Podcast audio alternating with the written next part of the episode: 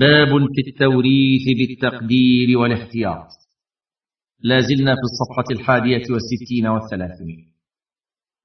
ما سبق كله هو حديث عما إذا تحقق موت المورث وتحقق كذلك وجود الوارث عند موت المورث وهذا واضح لا إشكال فيه. لكن هناك حالات يلتبس فيها الأمر. فلا تعرف حال المورث والوارث.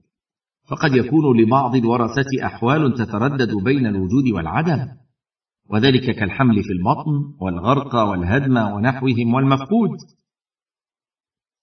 وأحوال تتردد بين كون الوارث ذكرا أو كونه أنثى وذلك كالخنثى المشكل والحمل في البطن وبناء على هذا التردد في تلك الأحوال والأصناف من الورثة والمورثين أفردت بأبواب خاصة تسمى أبواب التوريث بالتقدير والاحتياط وهي واحد باب الخنثى المشكل.